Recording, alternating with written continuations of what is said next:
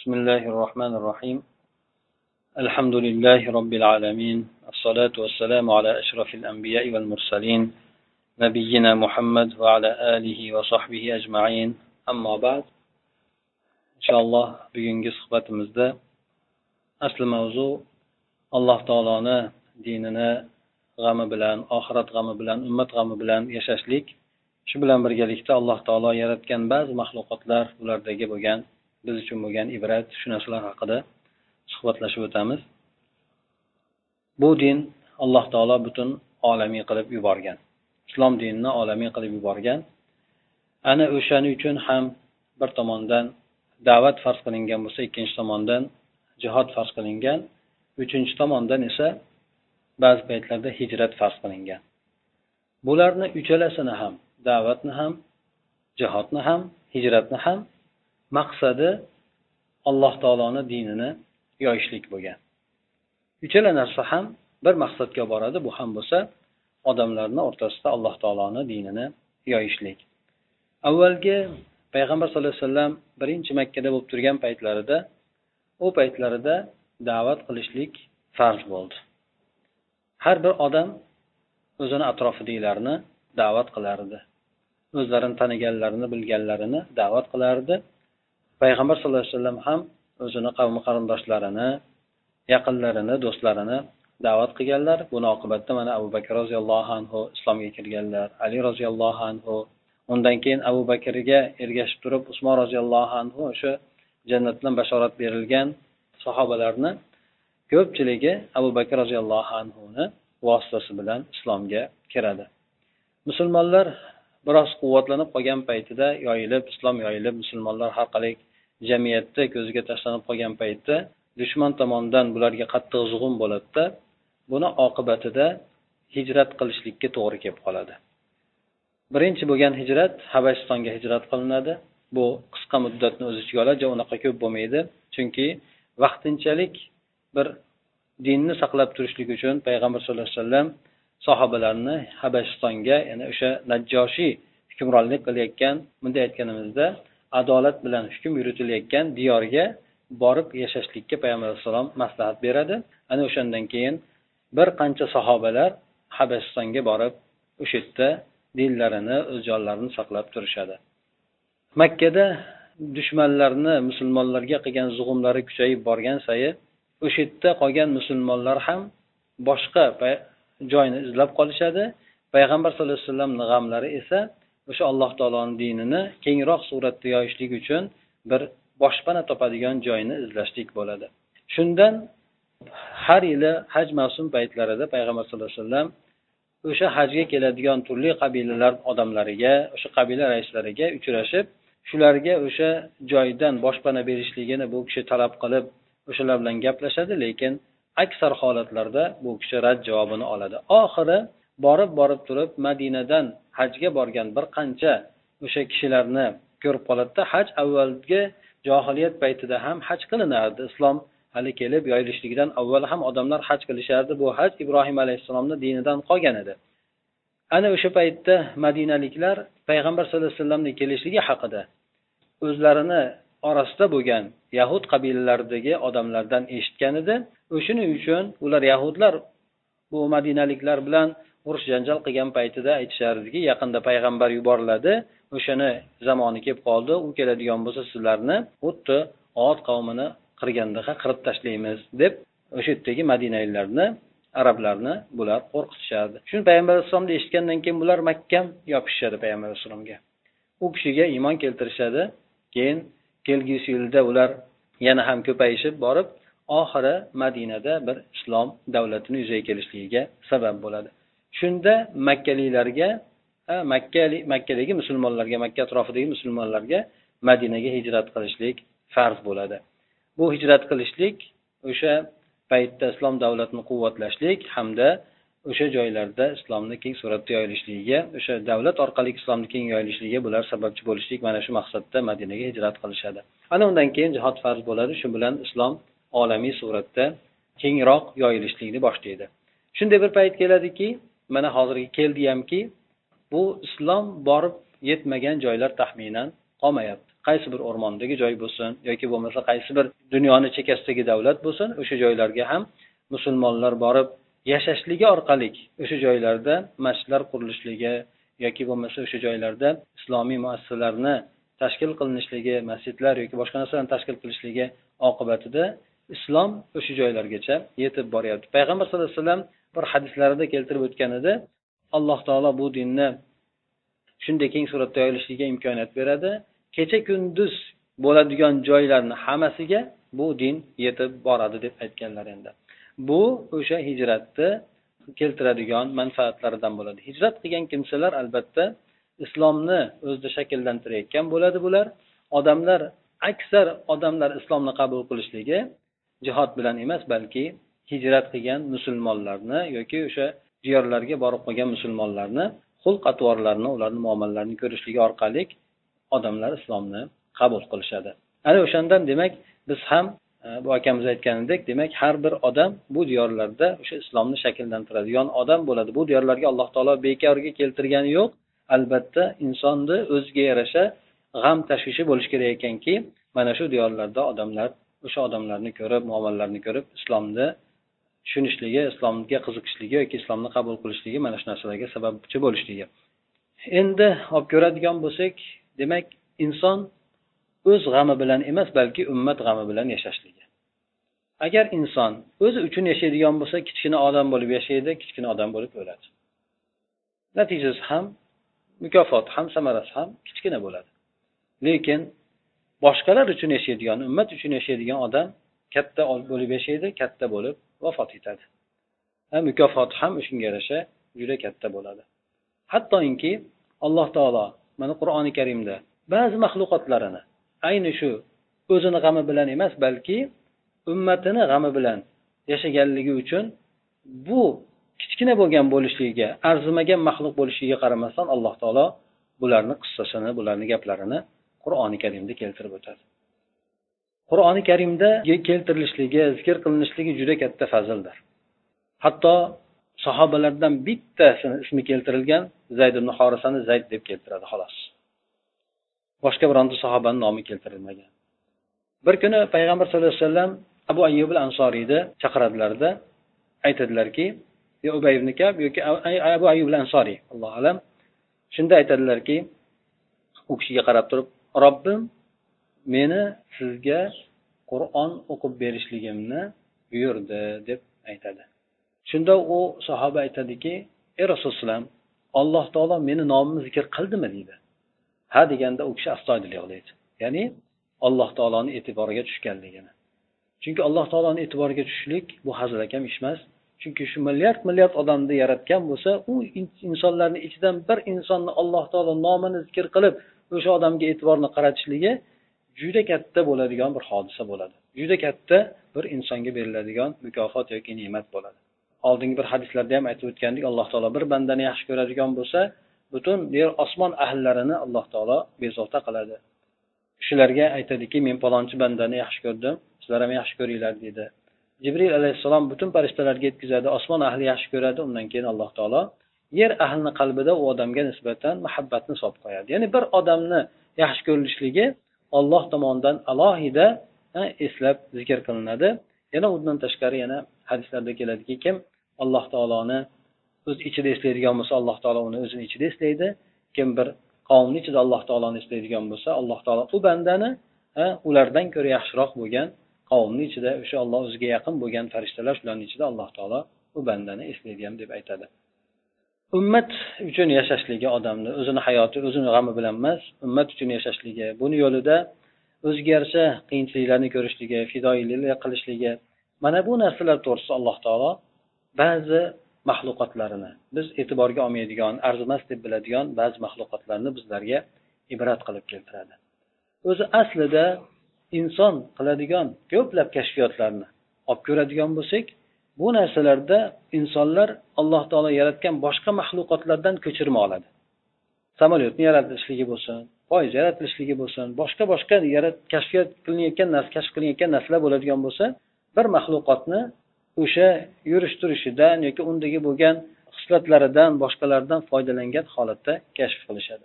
Hattoki bir nimada ko'rsatuvni ham ko'rgan edim katta yuz etajlik bo'lgan imoratlarni qanday qilib tozalashlik bu chang boshqa narsalardan bu narsalarda o'sha foydalangan narsasini aytishgan edi.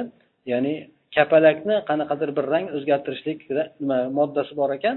Ana o'sha narsa orqali o'sha joylarda o'z öz o'zidan tozalanadigan shunaqa suratda qurishga shunaqa modda qo'shib shunaqa suratda qurishganligini aytgan edi.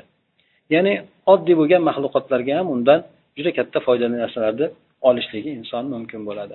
Xuddi shunga o'xshagan demak alloh taolo bir chumolini qissasini keltirib o'tadi. Aslida mushriklar payg'ambar sallallohu alayhi vasallam ularga bu qissalarni o'qib bergan paytida bu qur'onda pashshani qissasi keladi burgani qissasi keladi iskab topar deb pashsha deb qo'yamiz bizda. Ya'ni chivinni qissasi keladi undan keyin mana chumolni qissasi keladi boshqa boshqa qissalarni ham beradi. Mushriklar masxaromuz qilib aytishar edi bu muhammadga nima bo'ldi? U qur'onida bari hasharotlarni zikr qilyapti degan nimada. Lekin alloh taolo u kishini payg'ambar sallallohu alayhi vasallamga shu narsani uqtirib aytganki demak siz ularga e'tibor bermang. Chunki bu narsalarda ibrat bor. Odamlarga bu narsalarda keltirilayotganligida bekordan bekorga keltirilayotgani yo'q balki bu narsalarda ibrat bor deb payg'ambar alayhisalomga bu narsani ko'nglini u kishini ko'tarardi. Shu qissalardan birisi chumolni qissasi. Chumolni qissasi sulaymon alayhissalom qo'shini bilan ketayotgan paytida bir chumoli yashaydigan vodiydan o'tib qoladi. Sulaymon alayhissalomga alloh taolo maxluqotlarni tilini bilishlik ne'matini beradi. Bu kishi alloh taolodan shunday narsani so'raydi.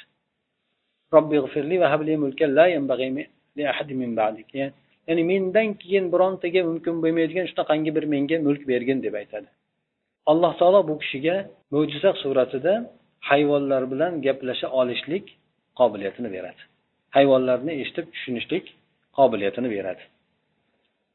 bu kishi askari bilan ketayotgan paytida chumoli vodiysidan o'tib qoladi chumollar yashaydigan vodiydan o'tib qoladi shunda bir chumoli qavmiga qarab turib nido qiladi يا أيها النمل ادخلوا مساكنكم لا يحطمنكم سليمان وجنوده وهم لا يشعرون فتبسم ضاحكا من قولها وقال ربي أوزعني أن أشكر نعمتك التي أنعمت علي وعلى والدي deb ya'ni o'sha joydan o'tib ketayotgan paytida bir chumoli chumoli o'zini qavmiga qaratib o'zini xalqi ummatiga qaratib turib nido qiladi. Ey chumollar jamoasi joylaringizga kiringlar. Uylaringizga kiringlar. Sizlarni bu sulaymonni askarlari o'zlari bilmagan holatda sizlarni parchalab ketmasin majoqlab ketmasin sizlarni sindirib ketmasin deb chumoli bularga xitob qilib aytayotganini qur'onda qissasini keltiriladi. Sulaymon alayhissalom bu narsani eshitib bularni gapini tushunadi. Shundan bu kishi min o'sha chumolini aytayotgan gapidan bu kishi tabassum qilib kuladi. Keyin aytadiki alloh taolo o'zingga hamd bo'lsinki menga shunday bergan ne'matlaringga hamda ota onamga bergan ne'matlaringga shukronalar bo'lsin meni solih bandalaringni qatorida qilgin jannatlaringga kirgizgin deb sulaymon alayhissalom duo qilib aytadilar endi. Bu yerda nima uchun alloh taolo bu chumolini gapini bu yerda keltirdi. Nima uchun bu qissani bu o'rinda shunday aytaylik juda bir narsalar qisqa suratda beriladigan qur'onda ayni shu narsani ham kiritib o'tib ketdi. Nima uchun sulaymon alayhissalom ko'p hayvonlar bilan gaplashgan? Butun hayvonlarni tilini bilar edi va o'rtalarida qissalar bo'lgan gaplar bo'lgan. Lekin ayni mana shu o'rinda bu o'rinda alloh taolo keltirdi albatta bu bejiz emas. Chunki chumoli ummat ham bizni ummatimizga o'xshagan bitta xalqdir. Chumoli boshqa xalqlardan boshqa yashaydigan maxluqotlardan farq qiladi. Bularni yashash turmush tarzlari insonlarni hayot yashash turmush tarzlariga o'xshab ketadi. Bular bir bir jamoa bo'lib yashashligi uylarni hali insonlar baland imorat mana qavatma qavat uylar qurishligidan oldin chumolilarga bu narsalar alloh tomonidan ilhom qilib berilganligi hamda chumolini eskitdan boshlab bular imoratlarini juda bir mustahkam juda bir aql bovar qilmaydigan darajada tartib bilan yoki taktika bilan shunaqa suratda qurishligi bularni bir biriga bo'lib hamroh bo'lib bir biriga yordam berib yashashligi hamda bular boshqalarni manfaati uchun o'zlarini jonidan kechib yashashligi o'zlarini jonlarini fido qilishligi mana shunaqangi bo'lgan narsalari. Demak xuddi insonlarni hayotiga o'xshab ketganligi uchun alloh taolo bu chumolni qissasini bu yerda keltirib o'tadi albatta bu narsa bejiz bo'lmagan edi. Chumoli bu o'rinda o'zini qavmiga nido qildi. Bu degani indamasdan bir musibat kelayotgan bo'lsa o'zingni bil joningni olib qoch deb turib boshqalar xatarga tushib qoladigan bo'lsa ham indamasdan o'tib ketgani yo'q. Balki askar kelayotgan o'rinda o'shani orasida bo'lib turgan holatida ham o'zi chekiga chiqib olib turib chekkadan baqirgani yo'q. Balki o'sha o'zlarini ichida turgan holatda bu sulaymon alayhissalomni askari kelayotganligini ko'rganlardan birinchisi bo'lgan ekan shuning uchun o'zini qavmiga shunday deb turib xitob qilib aytadi. Bu yerda keltirilayotgan gap ibora uslubi. Bu chumolini tilidan alloh taolo qissa qilib aytib beryapti. Ey chumoli jamoasi uy joylaringizga kirib ketinglar sizlarni sulaymon va uni askarlari bilmagan holatda sizlarni parchalab ketmasin. Ezib ketmasin deb aytdi. Demak bular biladi sulaymon alayhissalom kimligini. Uni askarini ham kimligini biladi. Bular atelatdan bir qavmni halok qilmaydi bir qavmga zulm qilmaydi. Bular o'zlari bilmagan holatda sizlarni parchalab ketmasin deb turib o'z qavmiga aytib bularni ogohlantiradi. Shundan demak bu bitta chumolni qissasida o'zi uchun yashayotganligi uchun emas balki butun ummatini g'amini qilayotganligi o'shalarni tinchligini omonligini o'ylayotganligi mana bu qissasidan ko'rinib turadi. Bundan tashqari olimlar ba'zi olimlar xosatan g'arb olimlari ko'plab hayvonlarni hayotlariga qiziqishgan bularni orqasidan yillab izlanishlar olib borishgan xuddi shularni jumlasidan ba'zi o'sha ingliz olimlari amerika yashaydigan ingliz olimlari chumolini ba'zi avstraliyaliklar ham qilishgan bu narsani chumollarni hayotlari haqida demak keng izlanishlar olib borishgan. Bularni hayoti yashash turmush tarzlari bular qanday qilib bir biri bilan inoq bo'lishligi yana undan tashqari musibat balo kelgan paytlarda bular qanday holatlarda bo'lishligi mana shu narsalarni bular o'rganishgan. Agar bu narsalarni mana qorin yahyo filmlarida ham bor chumollar haqida yoki bo'lmasa boshqa videofilmlar ham bor chumollar hayoti ular qanday yashayotganligi yoki musibatlarga qanday bular qarshi turganligi o'sha bir birlariga qanday yordam berayotganligi shu narsalarni ham ko'rib kuzatsa bo'ladi. Juda bir insonni aqlini lol qoldiradigan suratda demak bular ishlarni amalga oshirishgan. Bularni miya organini aytadi. Miyasi yuz bir grammda yuzdan biriga to'g'ri keladi. Chimoldagi miya hajmi uni mana bir grammda yuzdan biriga to'g'ri keladi deydi. Juda ham kichkina bo'lgan. Undagi hujayra nimalari? Uch yuz mingta hujayra katakchalari bor deydi. Insonniki esa trilliondan oshiq bo'ladi deydi hujayralari. Lekin bu katta bo'lgan kitlar bor boshqalar bor. Buni miyasidan ko'ra juda kattaroq e, nimaga quvvatga egayu lekin chumolidaqa ishlarni tadbir qila olishlikni bilmaydi. Chumoli hajmi kichkina bo'lganiga qaramasdan miya tuzishligi juda kichkina bo'lganiga qaramasdan aql bovar qilmaydigan darajada tartiblarni ishlarni tadbir qilayotganligini ko'rishlik mumkin bo'ladi. Ba'zi o'rinlarda chumollarni o'zini ummati uchun o'zini qavmi uchun o'zini farzandlari uchun o'zini xalqi uchun fidoyilik qilayotganliklarini ham ko'rib kuzatishgan. Bular xosatan bir balo musibat kelib qoladigan bo'lsa.